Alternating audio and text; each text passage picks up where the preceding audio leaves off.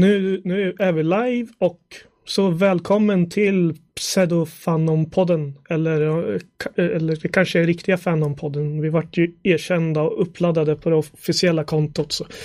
Eh, ja.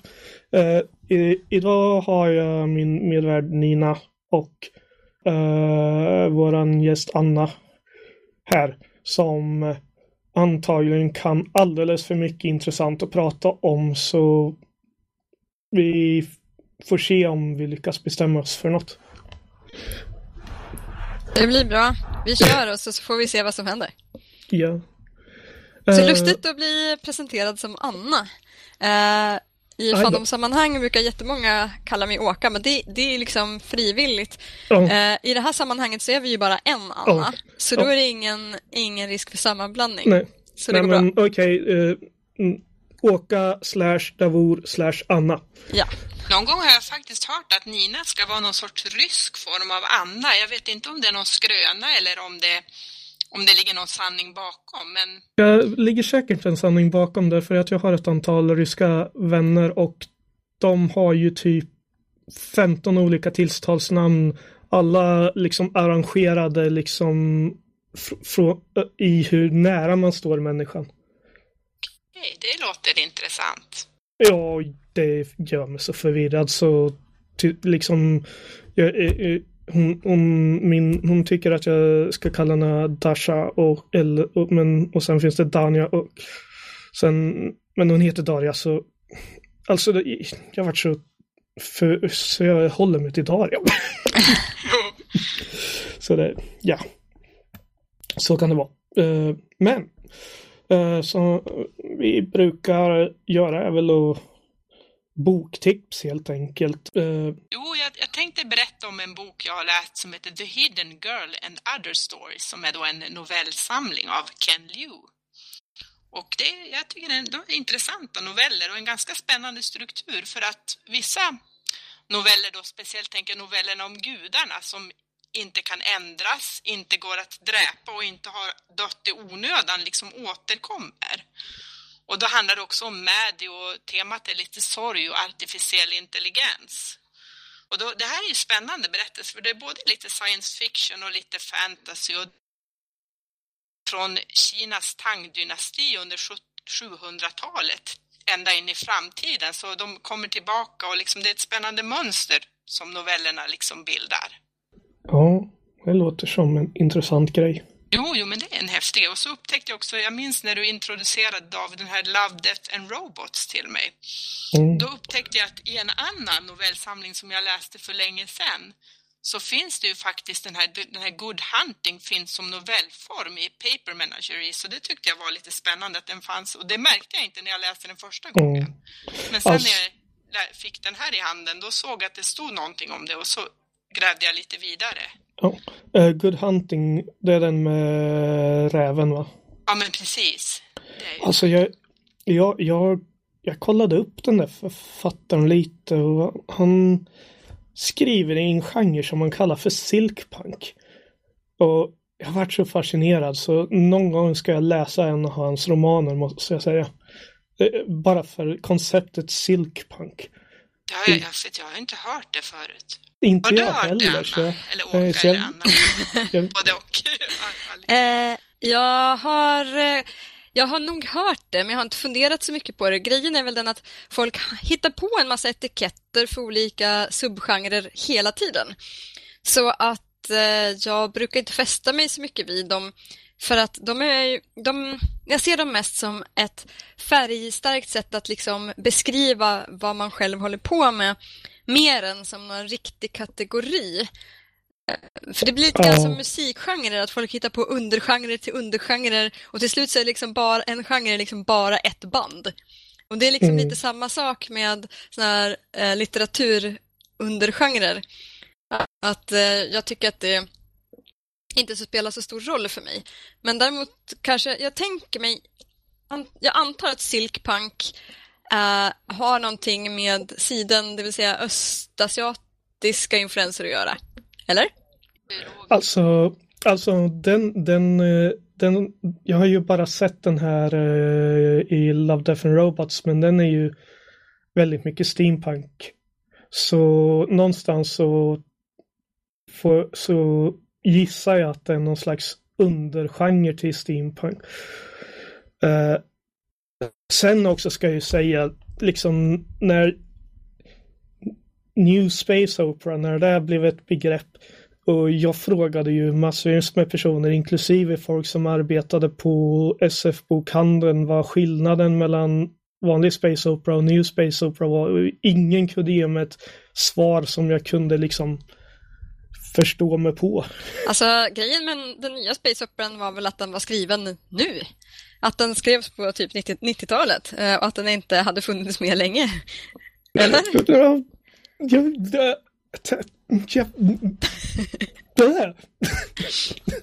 Men alltså det kom, ju, det kom ju en liten ny våg av Space Opera och eh, jag, jag ser det mer som en historisk grej än att, än att det är liksom någon eh, helt ny tagning på grejen. Men, men den är ju alltid som allting annat så är ju varje verk baserat i sin egen tid. Så jag vet inte om man kan göra någon heltäckande beskrivning av att om man läser ett verk så kan man se av det och det och det innehållet att den är New Space Opera, mm. det tror jag inte. Utan jag tror att det är mer det att den, den hör hemma i en viss epok. Alltså, den, alltså något man ska säga är ju att den skrivna rymdoperan har ju definitivt utvecklats med åren. Alltså eh, om man tar en bok som jag gillar väldigt mycket som Ancestral Night av Elizabeth Bear. Eh, den är ju komplex. Den tar ju liksom idéerna och liksom i samhället och sådär. Hon, hon använder liksom space opera-genren för att, för att beskriva en, ett, och liksom kanske tala för eller bara experimentera med ett ja, en speciell samhällsstruktur kan man säga. Um, nu har jag pratat om den boken i två avsnitt så... Det går bra. Den ligger dig varmt om hjärtat, förstår Jag vi. tycker att man ja. får komma tillbaka till sina favoriter, för det gör jag hela tiden. Jo, men jag tyckte verkligen om den. Jag, jag gillade det samhälle hon byggde upp, trots att det kanske var lite eh, ordet försvann. Kontroversiellt, där kom det igen. Eh, så det... Men, ja, men den var bra. Jag pratar Jag blev ju genast lite nyfiken på sådär om du har någon favorit annars som du vill som du nämnde. Alltså. Man blir lite nyfiken. Ja, jo vad bra för då, oh, nya människor som jag kan prata med om Kim Stanley Robinson som inte jag har tråkat ut fullständigt med att prata om Kim Stanley Robinson ännu. Eh, det brukar bli så att det, så fort jag börjar prata om böcker så förr eller senare så nämner jag Stan Robinson. Eh, och eh, jag har läst alla hans böcker utom en som är en av hans tidiga... Vilken är det? oh, vad heter den? Jag tror den heter The Memory of Whiteness. En av hans 80-talsböcker i alla fall. Okay. men jag har läst alla andra och jag tycker ju att han blir ju bra, riktigt, riktigt bra från och med eh, Mars-trilogin som han började skriva i mm. början på 90-talet då.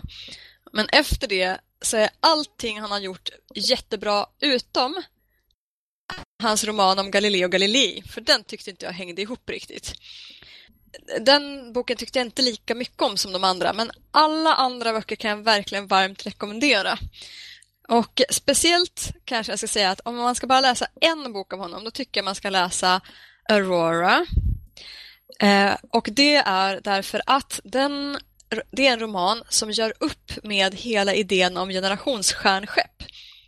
Och den tar en, ett lite nytt grepp, ganska så, vad ska man säga, um, ganska seriöst grepp på hur skulle det faktiskt vara att leva på ett generationsstjärnskepp under väldigt lång tid och försöka upprätthålla det ekosystemet där.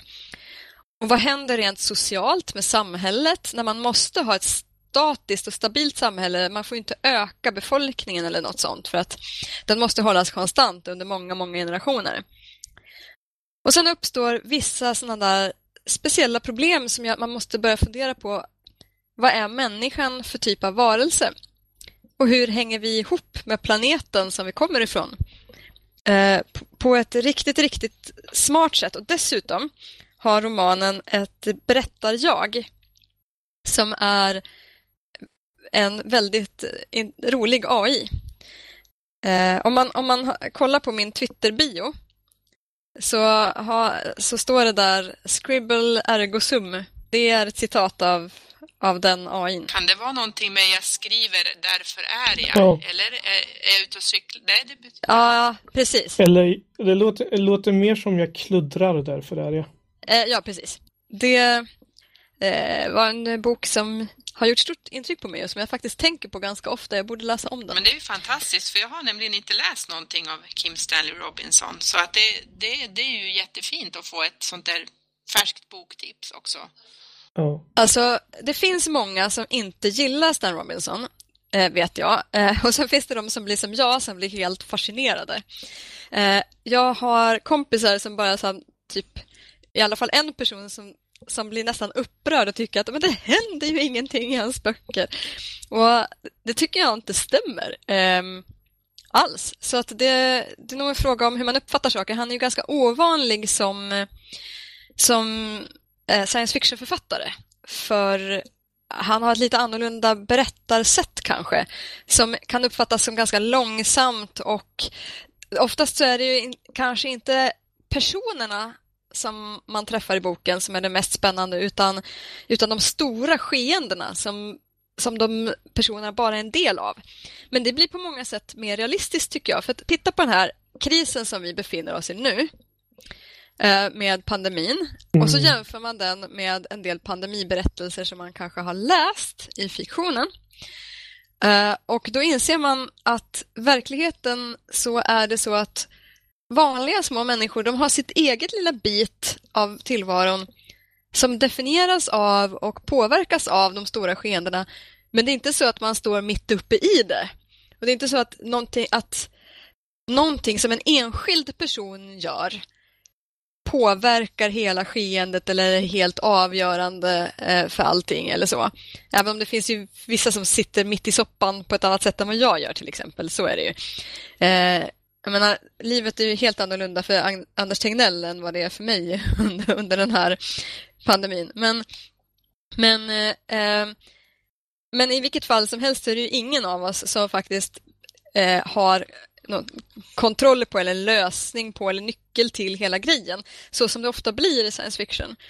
Och det är det som jag tycker Stan Robinson gör annorlunda, att han, han ofta har personer som som inte är de där stora spelarna, som inte gör de avgörande upptäckterna eller något sånt, utan det är bara vanliga människor som lever mitt i ett, ett skeende. Det låter jätteintressant. Jag tänkte lite på det här med, när du sa att vad är det som gör oss till människor, så tänkte jag lite på det här med minnen. Om det kanske kommer någonting om det. Så här, vad är ett minne? Är det liksom våra minnen eller är det, liksom, är det ett minne subjektivt eller objektivt? Finns det någonting som berör sådana frågor kanske i det? Eller? Eh, I Marstrilogin, ja, precis. Där, där hanteras det en del för att där eh, uppfinner de en behandling som gör att människor kan leva väldigt länge. Eh, och då får ju människor liksom konfronteras med det där med att minnena liksom bleknar bort och man kanske inte har helt kontakt med sin tidigare versionen av sig själv. Liksom.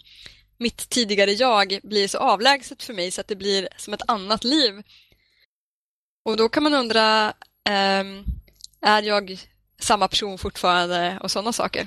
Det låter mycket spännande. Mm. Ja, jag har ju läst, uh, vad heter den, 3212 tror jag det är va? Ja, just det. Den Nej, 23, 2312. 2312, nästan rätt. Bara sådär en tusen år fel. Uh, visst utspelar den sig när, under titeln? Ja, precis. Ja, Alltså, jag fann den inte långsam kan jag säga. Nej, den händer det väl ganska mycket. Ja, eh, det, den var det, den var väl vad man kan kalla en tegelsten men det var svårt att lägga ner den. Jag höll på att gå fastna i hans jävla listor och undrade.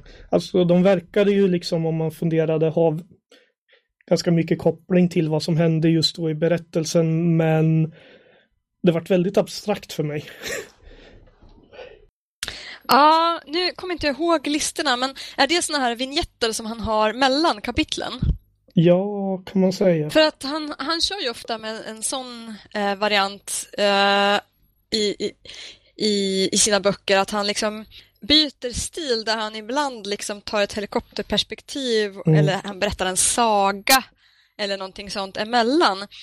Så att eh, ja, fast... som blir det en helt annan stil och som mera liksom illustrerar. Ja, i, i, i, I den här så är det ju i stort sett bara Alltså det, det, det, är en lista med grejer och så här som man skulle kanske rada upp på en datingprofil liksom äh, gillar det här, det här är häftigt, det här är liksom äh, det kanske, jag kanske minns fel men det kändes lite som det.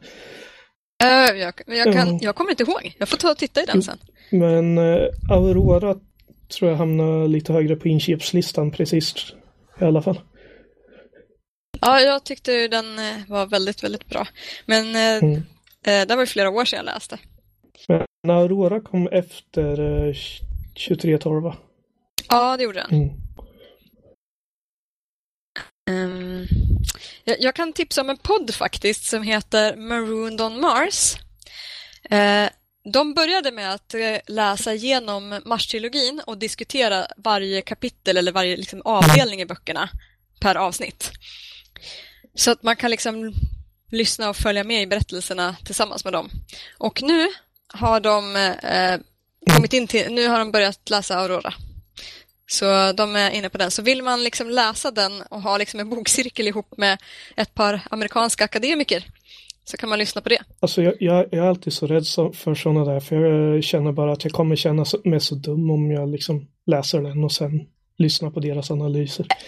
Fastän, fastän alltså, jag, jag tyckte att det var roligt när jag lyssnat. Jag, jag har inte lyssnat på allt de har gjort. Jag har lyssnat på en del av deras prat om eh, Red Mars bara.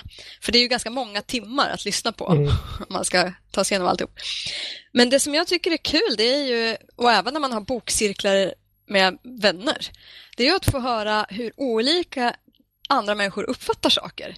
För att eh, andra människor uppfattar alltid andra grejer i en bok, eh, fastnar på andra detaljer, eh, fokuserar på andra personer och så vidare. Och jag tycker att det ger mig ganska mycket att få reda på vad det var som någon annan tyckte var bra eller spännande eller dåligt och så vidare. Och allra mest gillar jag ju att höra människor som, som läser väldigt olikt mig så att de kan ge mig något helt annat perspektiv. Jag har en kompis här i Uppsala som alltid har helt andra tankar om saker som jag aldrig skulle ha kommit på själv. Och det tycker jag är fantastiskt roligt. Jag tycker också det kan vara skönt alltså, ibland om man liksom känner att man inte poäng. riktigt förstår någonting eller sådär. Ja. och så sitter man och pratar om den. Då får man liksom ibland i en bokcirkel då att det går upp ett litet ljus eller att ah, men det där ska jag kolla mer på. Hur tänkte ni nu? Och sådär. Om man inte, men sen kan man ju förstå på olika sätt. Så det man själv begriper kanske inte någon annan har förstått också. Kan det? Ja. Jag, jag, är, jag är mest rädd för de där liksom grejerna när man sitter där och så inser man vad fan, varför tänkte inte jag på det? Är jag helt puckad? Man får vara lite snäll med sig själv tycker jag. Och... Uh, det, det, är ju inte för att man är puckad, det är ju för att man har speciella intressen mm. och en, sin egen infallsvinkel på någonting som man läser och sådär. Uh, jag, uh, jag, jag, har ett exempel faktiskt. Uh, bokcirkeln här i Uppsala Fandom vi läste eh, The Calculating Stars. The Calculating Stars. Okej, okay. eh, det är Mary Robinette Cowell som har skrivit eh, och den, eh, eh, den kom ut för ett par år sedan. Och eh, då, när vi pratade om den, så visade det sig att jag läste den på ett sånt här sätt att jag blev väldigt, väldigt indragen i huvudpersonens perspektiv på saker. Och jag gillade väldigt mycket det här med att det är en historia om astronauter fast som också handlar om hur man måste tackla eh, de, eh, de mänskliga begränsningarna och i kulturen och så här. Hon måste lära sig till exempel att manövrera amerikansk rasism eh, för att liksom sätta ihop den rätta eh, det rätta teamet av astronauter. Och till exempel måste man komma ihåg att det finns även svarta flygklubbar och de har andra resurser än vad de flygklubbarna som står i telefonkatalogen och så vidare. Ehm, så att hon måste manövrera en massa sådana saker plus att det är eh, en eh, fullständigt jättejobbig astronautkollega som hon måste också manövrera. Så här, hur ska man förhålla sig till varann? Och personernas relationer utvecklas ganska mycket under det att de också gör de här astronautgrejerna och faktiskt kommer ut i rymden. Och för mig handlade berättelsen jättemycket om hur ska jag också kunna få vara en sån som får åka ut i rymden fastän jag inte är... Jag tror jag kan ana i alla fall. I, faller in i den här mallen av det rätta virket. Ni känner till det rätta virket? Right stuff. Och den här... Uh, tänker du på ja, precis, filmen? The right stuff. Jag tänker på filmen och, och på hur, hur man förhåller mm. sig till, till de första astronauterna. Um, Mercury-astronauterna skulle ju liksom vara ja, de var ju testpiloter och det var en ganska macho-attityd och så vidare. Och om man inte är, faller i den mallen, hur ska man få vara en som får åka i rymden? Mm. Så läste jag den boken. Men... Är det den de gjorde de en tv-serie på den? Eh, inte än i alla fall, va? eller? Inte alltså, som jag vet. Alltså den påminner mig om en tv-serie som, det var något liksom Eh, den utspelade sig under tiden för månlandningen och det är en så här alternativ historia där ryssarna vann eh, rymdkapplöpningen, mm. eller i alla fall de, de, de, de, de kom först till månen helt enkelt. Ja, men så är det inte i, i The Calculating Nej, Stars. Och sen, sen så och sen så plock, eh, kommer det fram att ryssarna plockade dit en kvinna också. Och då så den, den, den, den verkar vara lite på samma tema på något vis eftersom USA som svar då börjar träna ett gäng kvinnliga astronauter för att sätta upp den första månbasen. Mm -hmm. ja, jag vet inte vad det är för tv-serie, men jag är jättedålig på tv-serier. Jag tittar mm. alldeles för lite på tv, så jag kan inte de grejerna. Men i alla fall, det som var intressant här var att när vi hade det här bokpratet, när vi träffades och snackade om boken, så visade det sig att åtminstone två personer var väldigt frustrerade över boken och gillade den inte alls därför att man får se väldigt lite av världen runt omkring. Den handlar så mycket om liksom eh, just de här astronauterna och hur deras träning går till och så. Och man får inte veta vad som händer i resten av världen. Den har blivit träffad av en stor asteroid. Det kommer att bli svåra klimatförändringar på grund av all eh, stoft och vattenånga i atmosfären. Och kanske kommer jorden att bli obeboelig. Och det här måste ju orsaka enorma omvälvningar på jorden. Man får inte veta någonting om det.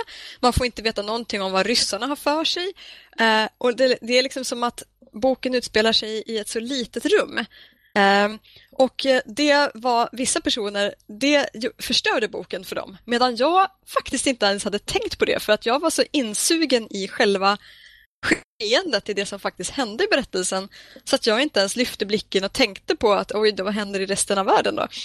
Så det, var, det är ett exempel på hur det kan vara så man upptäcker andra grejer när man pratar med varandra om en bok.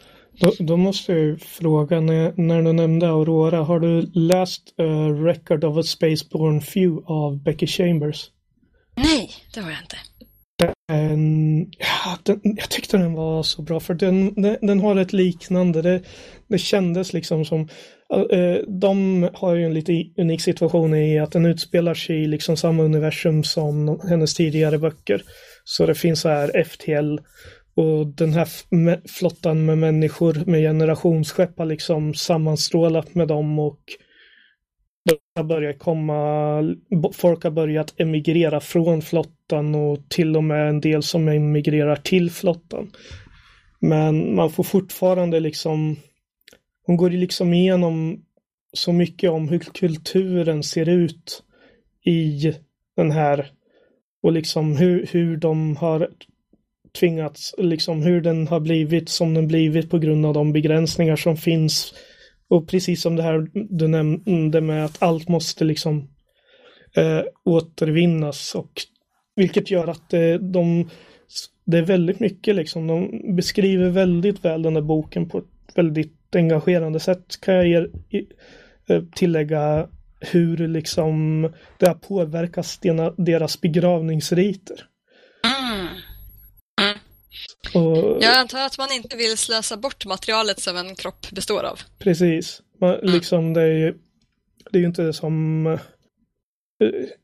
och det är liksom, jag såg en tv-serie som hette The 100 och de var på en omloppsbana i, runt jorden därför att det hade varit något krig och bla bla bla och de väntade på att det skulle bli och de hade börjat få slut på resurser men och det var liksom så här stenhårt samhälle där där de minsta lilla brott så kastar de ut dem genom luftslussen och jag bara tänkte men vänta ett tag, det är inte så jävla konstigt att ni börjar få slut på resurser. Nej, precis. Liksom, och de, då liksom tömde de ju inte ens den där på luft innan för de, tanken var, för de ville ju ha bort dem så att den explosiva dekompressionen uh, kastar ut dem. Ja, nej, det som jag, jag läste någon steampunk-novell någon gång eh, mm. om, en, om en fattig familj, det var några jättefattiga personer på, eh, i typ 1800-talsmiljö. Och de, eh, de kokade fläsk tillsammans med potatisen och sen hällde de av vattnet. Och jag bara tänkte, va? Varför gör ni så här? För att äh, fettet från fläsket mm. försvinner ju då. Eh, skulle verkligen fattiga människor, om man har nästan inte någonting att äta, om det här är en, liksom, en sällsynt fläskbit man har fått tag på, skulle man verkligen lägga den i potatisvattnet och sen hälla av kokvattnet och bara slänga bort det? Är det rimligt? För jag menar, eh, man hör ju till exempel om eh, dopp i grytan.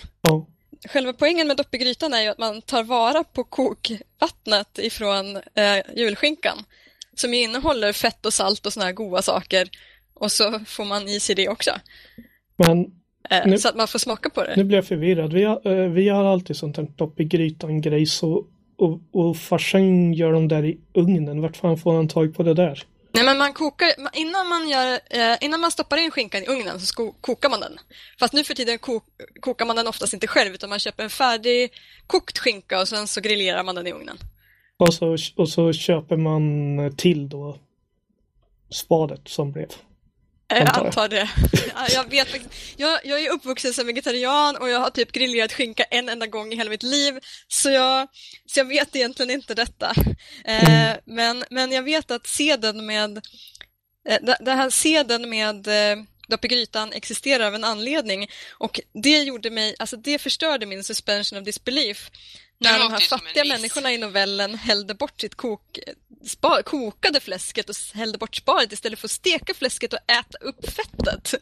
Mm. så här, förstår du, man, man, man tänker på så här resurshantering av rika människor som aldrig har haft ont om mat, de tänker inte på sånt. Mm.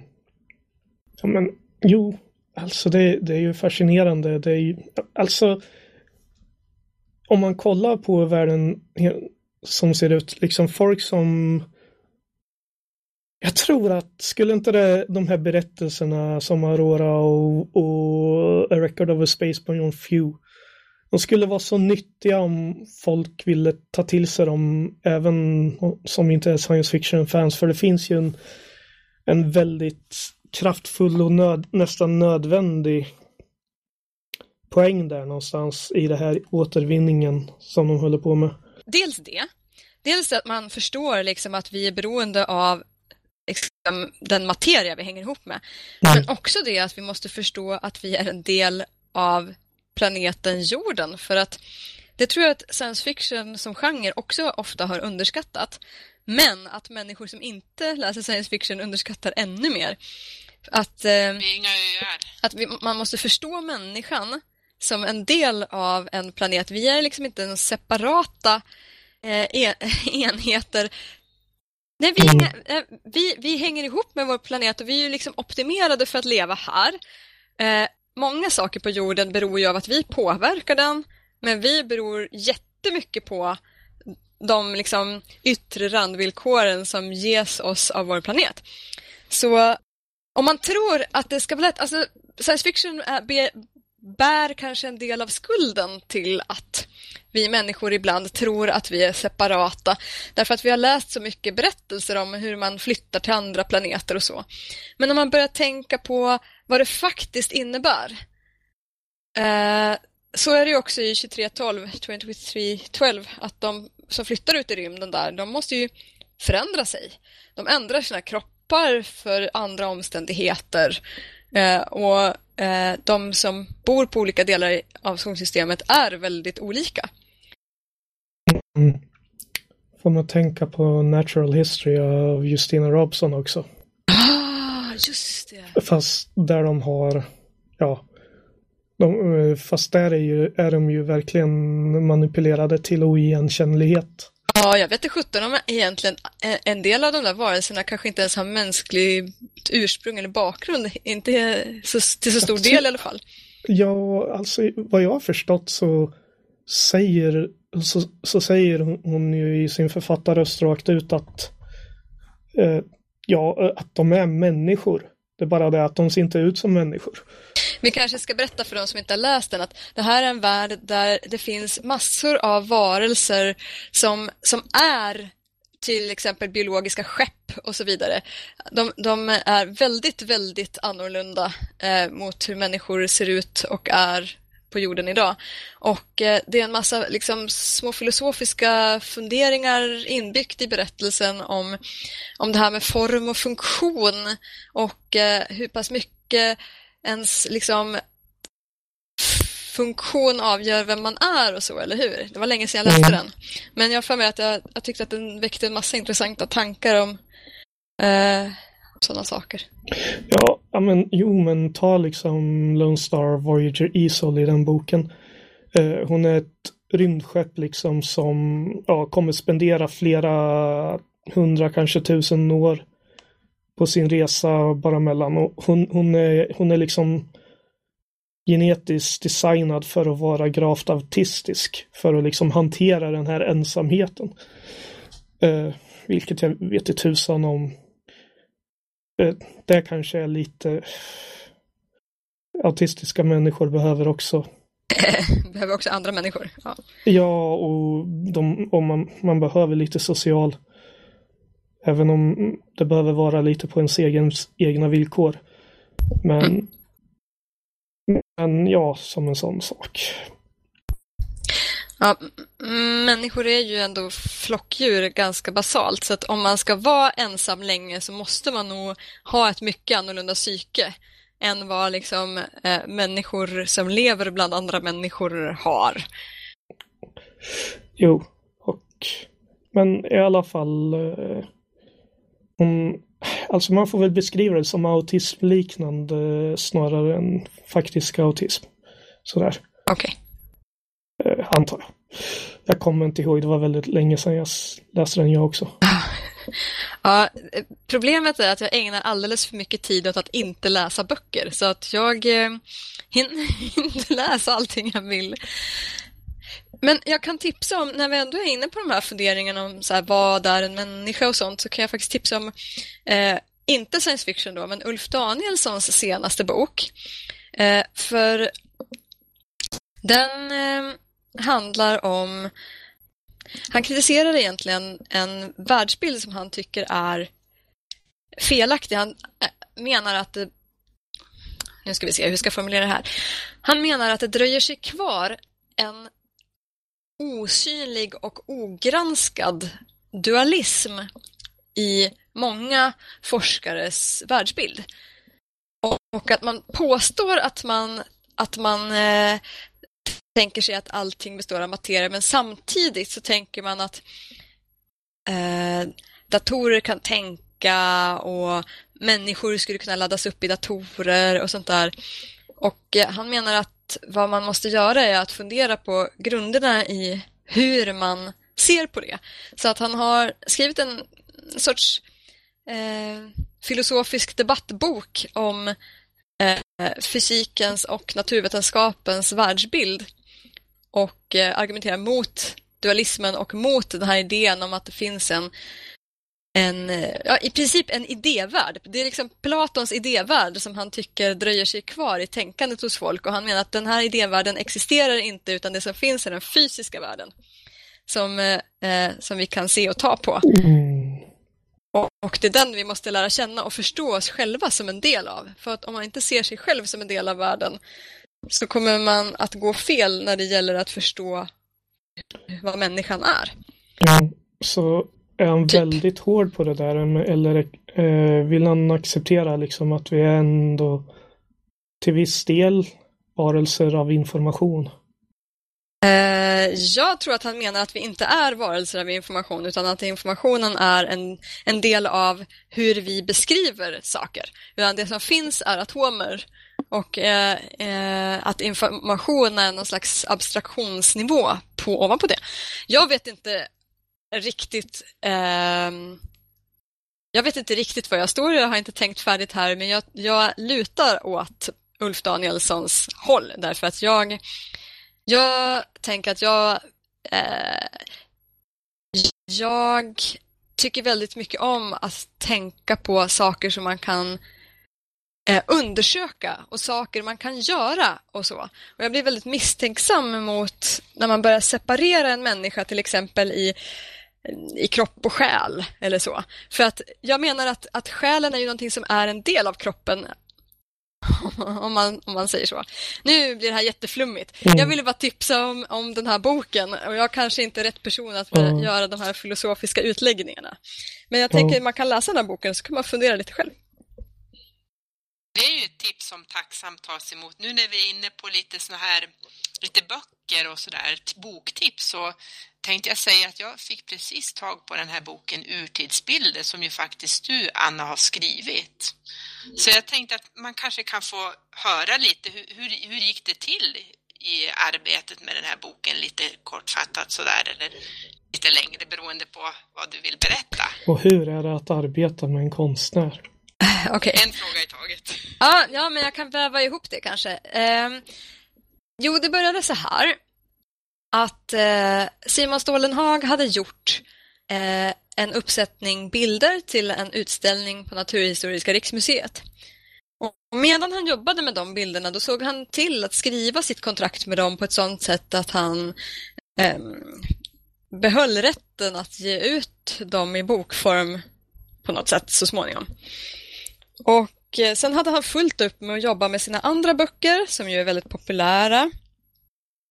Uh, han uh, han har, har ju blivit tv-serie också nu på Amazon Prime. Uh, hans... alltså, min hjärna och titlar. Tales from the Loop. Ja, ja.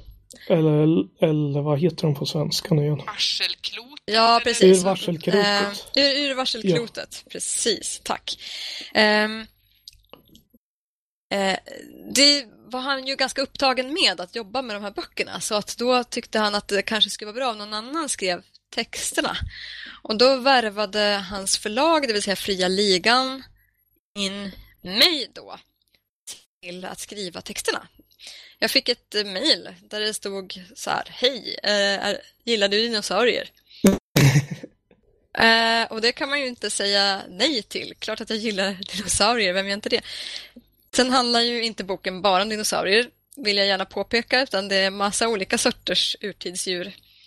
Um, och, och, jag tror inte ens att det är hälften dinosaurier, fast jag har inte räknat efter. Uh, och eh, då fick jag liksom uh, använda min vetenskapsjournalistförmåga och dels läsa på en massa vetenskapliga artiklar och sånt och dels så tog jag kontakt med Eh, evolutionsmuseet i Uppsala så att jag fick hjälp av eh, en forskare där med faktakoll. Så att det inte skulle bli liksom något tok.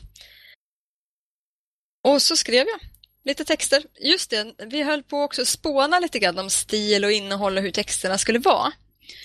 Och då i den svängen så hade jag precis läst en hel del um, av Peter Nilsson som var en astronom i Uppsala som skrev mycket populärvetenskap eh, i essäform. Och jag tyckte att den där essäformen var ganska fin. Den är lite reflekterande när han placerar in en massa astronomiska skeenden i sin egen upplevelse av världen runt omkring sig i Uppsala och i Småland som han kommer ifrån. Så att jag tog lite inspiration av Peter Nilssons stil. I alla fall i början. Sen vet jag inte hur mycket som blev kvar av det i alla fall. Men... Ja, men det är jätteroligt att höra för jag har ju själv läst den här Stjärnvägar och jag tyckte att jag kände av liksom den här liksom förklarande, liksom djupa stilen mm. på något sätt när jag, när jag började. Jag har inte läst hela riktigt än, men jag har läst en hel del nu i urtidsbilder. Då. Jag läste det... ju hans bokprojekt Nyaga och jag har ju läst lite i någon av de där. Jag har dem stående här, hans böcker, par av dem, men eh, alltså något jag kan säga när han, han, han det känns som han var bra på det svenska språket. Han liksom hade han, han hade talang för det där med att skriva vackert. Ja. Det tycker jag. Har du själv, Anna, något favorit urtidsdjur i den här boken? eh, jag tror att jag gillar flygödlor. Ah, okej. Okay. Det, det, är rätt skoj för att jag brukar ibland berätta en sak. Jag jobbar ju på en skola i ett litet bibliotek och jag brukar själv berätta en en saga om ett stort dinosaurieägg. Mm. Och så visar jag bilder på en del dinosaurier. Jag tänkte att jag kan ju ta hit den här boken som du har skrivit också, för många barn är ju väldigt mm tända på dinosaurier och urtidsbilder och djur och sådär. Men då brukar, jag, då brukar de få gissa vilken dinosaurie det här ägget tillhör i början. Och sen är det som att ägget, det knackar i ägget, det vill komma ut. Och så frågar de så här, är jag din? Frågar den olika sorters dinosaurier. Och så visade det sig att det är en sorts flygödle dinosaurieägg. Så, så det var lite roligt. Just att det var en flygödla. Men flygödlorna är inte dinosaurier. De är drakar. Och då är det, det är drak... Vad är det för någonting? Eh, de, de är flygödlor. Det är en annan gren av livets utvecklingsträd. De, de, är, de är inte dinosaurier utan de är en annan sorts djur. Och då kallas... Som kallas flygödlor. Flygödlor. Ja, men då, då lärde jag mig något viktigt. Men, ja. Så det är inte drakar alltså? Eh, nej, jag tror Flygödlor. Eh, tekniskt sett så är eh, drakar inte en, eh, en verklig djurgrupp på jorden. Men, men alltså är du säker på att de inte kunde spruta eld eller något sånt här? Nej, inte helt säker, men äh, ja, baserat på rimliga antaganden så tror jag att de förmodligen inte gjorde det. Måste vi blanda in rimliga antaganden i det hela? vi, kan, vi, kan ju, vi kan ju önska. Oh. Ja. Den är i alla fall väldigt populär, det där ägget vi i bland dem. Det är ju faktiskt nästan oftast är det förskoleklass och så är det årskurs mm. ett. Men då, då ska jag berätta för dem att det här är ett flygödleägg nästa gång. När jag avslöjar vilken urtidsdjur ägget tillhör. Mm. Eh, jag gick faktiskt en kurs nu för jag tänkte att jag också skulle skaffa mig eh, lite akademiska poäng nu då, när det känns som att jag, jag har skrivit en bok, nu förväntar sig folk att jag ska veta någonting om urtidsdjur. Och visst, eh, visst visste jag en hel del bero, beroende på att jag är ganska intresserad av av allt möjligt. Så, eh, och dessutom så lärde jag mig jättemycket när jag höll på att jobba med boken. Men eh, jag gick också en sån här orienteringskurs i paleontologi nu i vintras på Uppsala universitet. Och eh, på första föreläsningen, då fick vi en bild eh, och sen så skulle vi säga eh, hur många dinosaurier vi såg på bilden. Och det var ju bara en dinosaurie på bilden, eh, men eh, det var typ åtta djur. Och eh, jag tror att det var jag och en till som räckte upp handen när han sa finns det en dinosaurie? De flesta, de flesta såg flera dinosaurier på bilden. Därför att de flesta människor vet helt enkelt inte riktigt vad dinosaurier är för någonting. Men vad, vad är då en dinosaurie? vad, är, vad är det för liksom, eh, definition? Vad, vad, hur, kan, hur kan det bestämmas? Uh, ja, oj, oj, oj. Uh, ja, men dinosaurier, alltså, det är precis som med om, om vi tittar på djur som lever på jorden idag. Då kan du ju säga så här att ja, men det finns fåglar, du vet vad en fågel är. Eh, det finns reptiler, du vet ungefär vad reptiler är. Eh, och så finns det däggdjur. Men det är inte alla människor som vet att valar Mm. är däggdjur. Ja, man kan För de bor ju i vattnet. Ja, men Ja. det visste ju. Ja. Ja, att valar är däggdjur, precis. Men eh, så det är lite grann samma sak med, med dinosaurierna. Det hänger ju liksom ihop med eh, hur djur och djurgrupper är släkt med varandra och ifall de kan liksom an- hänföras till samma grupp. Och då har ju forskningen kommit fram till en massa nya grejer också. Till exempel så här, hur nära är olika, olika djurgrupper släkt med varann? Men eh, nu för tiden vet man ju till exempel att fåglar är dinosaurier. Så att fåglarna är den grenen av dinosaurierna som har överlevt. Ja, alltså det var något som jag funderar på. Att det är lite fascinerande då. Så de här flygödlorna, de tappade vingarna och Ja.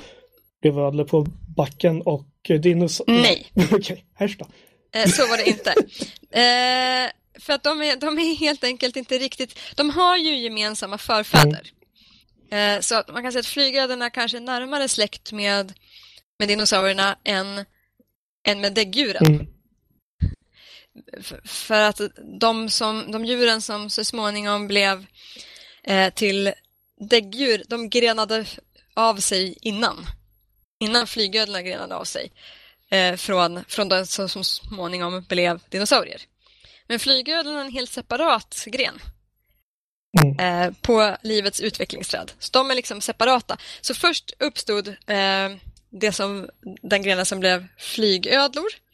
Och sen så småningom så var det vissa av dinosaurierna som också utvecklade flygförmåga. Så flygförmågan har ju utvecklats både dels bland flygödlorna då, eh, och eh, sen igen hos dinosaurierna som så småningom blev fåglar. Och sen hos däggdjuren senare då när eh, fladdermössen utvecklades, jag vet faktiskt inte riktigt när, när fladdermössen började finnas. Men jag tror att de är yngre än fåglarna. Den här dinosaurien Pterosaurus, det, visst kan den flyga? Jag tror att det, det är en, en Pterosaurus. Att det, Eh, nej, te- pterosaurus. Pterosaurierna, pterosaurierna är ju flygödlor. Okej, det var där jag ville försäkra mig om att Mm. sagan blir rätt hädanefter när jag berättar den. För det, det är en sån, sån som Så- ägget tillhör. Så då, då är det en flygödla. Ja. Men då Fint. måste jag ju...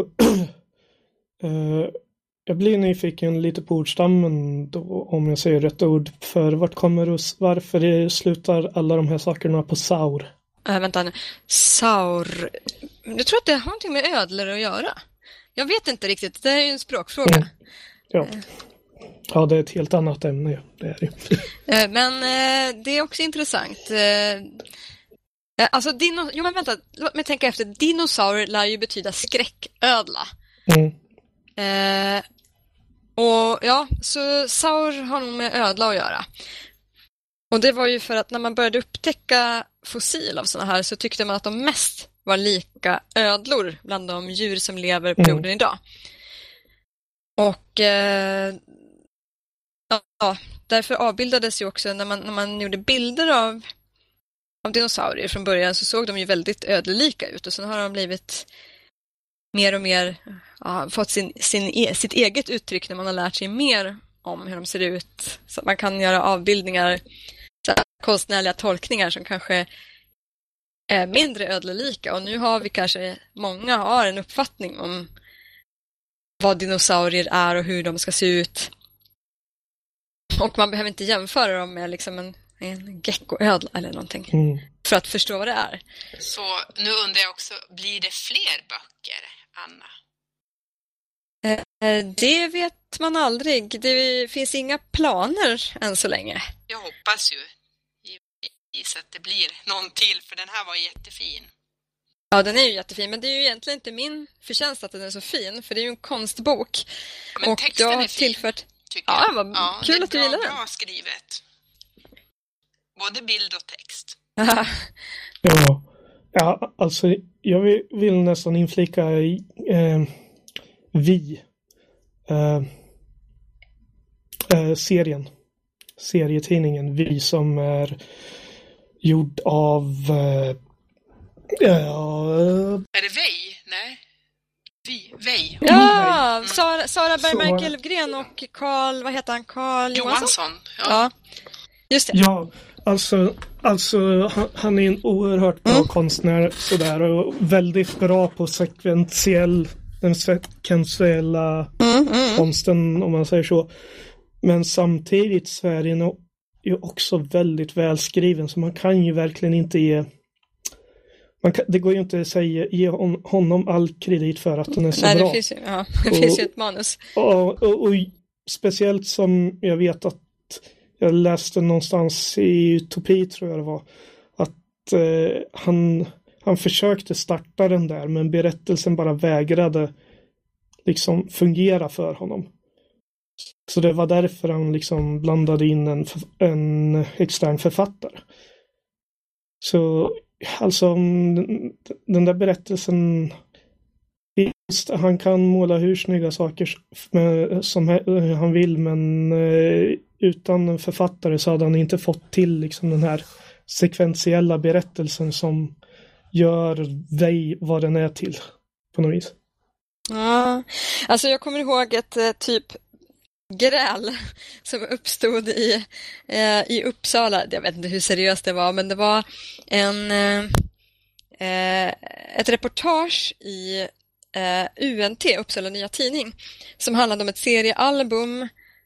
Uh, Okej, nu kommer inte jag kunna säga alla namnen på alla personerna som är inblandade för att min hjärna är så långsam när det gäller namn.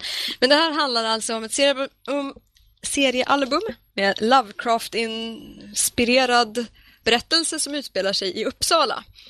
Och eh, manuset var skrivet av Anders Björkelid, känd fantasyförfattare också. Eh, och eh, han hade inte blivit intervjuad i reportaget utan reportaget handlade om teckningarna, om bilderna och hur Uppsala avbildades. Men journalisten som hade skrivit reportaget skrev att konstnärerna hade fått texthjälp av Anders Björkelid. Texthjälp. Texthjälp! Och eh, det tyckte Anders inte var riktigt adekvat beskrivning av det som han hade gjort. Ja men det kan jag förstå. det kan jag verkligen förstå. Mm, Ja, ja men om man tar som liksom Mike Carey. Han, han har ju skrivit The Unwritten. just det. Så Ja.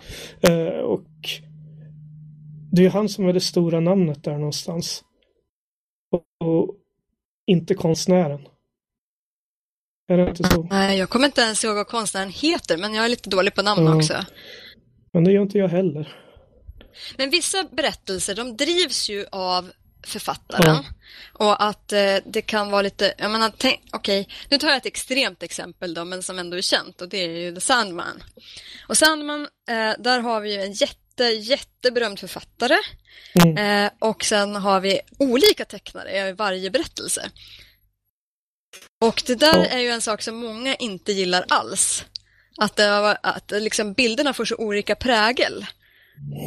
Al- Alltså det, jag måste erkänna att det blir lite knepigt när det ska vara samma berättelse och förändra stilen. Ja. Jag har inte läst just den här men jag själv eh, finner det lite småjobbigt måste jag erkänna när sånt händer. Jag har bara läst en del som inte ens är första delen så så jag vet inte riktigt. Fast sen när det gäller serier också, jag tycker verkligen att den det måste vara ett samarbete mellan författare och konstnär för för om författaren tar för mycket plats då blir det en väldans massa stor brödtext Mm.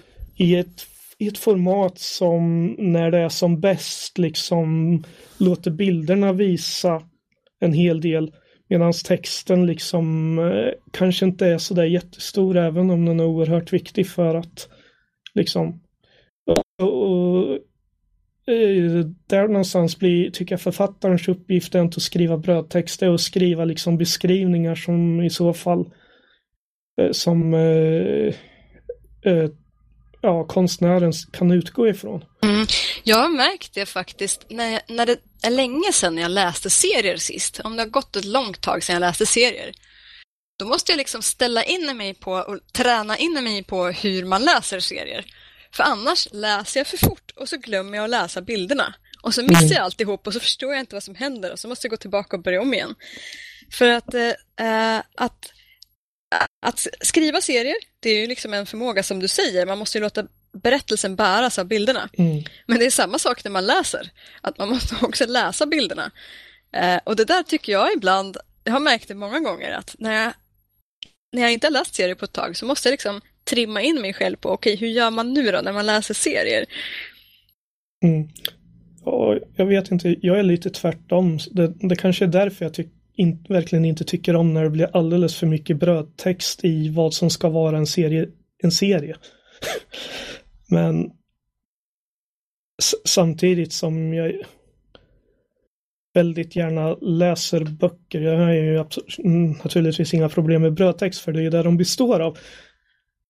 Men i serieformatet då, då, blir det jobbigt tycker jag när det är för mycket text alltså. Du då Nina, vad säger du? Jag spenderade ju ganska många timmar på serieteket förra sommaren kommer jag ihåg. Och eh, jag måste ju hålla med om att det är en liten omställning när man läser den första serien när man inte har läst på länge. Det blev ju en del She-Hulk och det blev Black Panther. Och, men man, ju mer man är liksom inne i det där bildtänket desto liksom vanare blir man. Så det, det är ju en viss förmåga också att läsa en bild som tar lite tid att komma in i, tycker jag. Mm säger ni? Tror ni att vi har hållit på ett tag här, att vi ska börja Börja runda av? Runda av kanske. Vi har Eller... ju bara hållit på en timme. Ja, bara. Jo, jag tänkte att vi kanske vill... Är det något vi vill sammanfatta eller säga, säga någon slutkläm eller ska vi bara helt enkelt tacka varandra? Det, ja, är det något du vill säga Anna? Mm, Eh, följ mig på Twitter. Jag heter Landet Anjen. Eh, eh, läs eh, tidskriften som jag skriver i, Forskning och framsteg. Ja, det var min reklam, reklamsnutt. Ja, men det låter jättebra. Det, det, det, då, ska, då gör vi det till hemläxa åt alla lyssnare här. Ja, det är bra att vi får lite uppgifter när man inte kan gå ut då. Så, ut kan man gå, ja. men man, man kan man är ju, det är ju speciella tider så vi behöver sånt och ägna oss åt. Oh ja. Så, ja men. Uh, outro. Hej, uh, hej då. Hej då. Hoppas att vi pratas vid igen. Det, det hoppas jag. Det hoppas jag allt. Jag hoppas verkligen att vi får en kongress snart och inte att det inte blir uppskjutet igen. Jag hoppas också på det. Vi jobbar för det bästa, säger jag från kommittén då.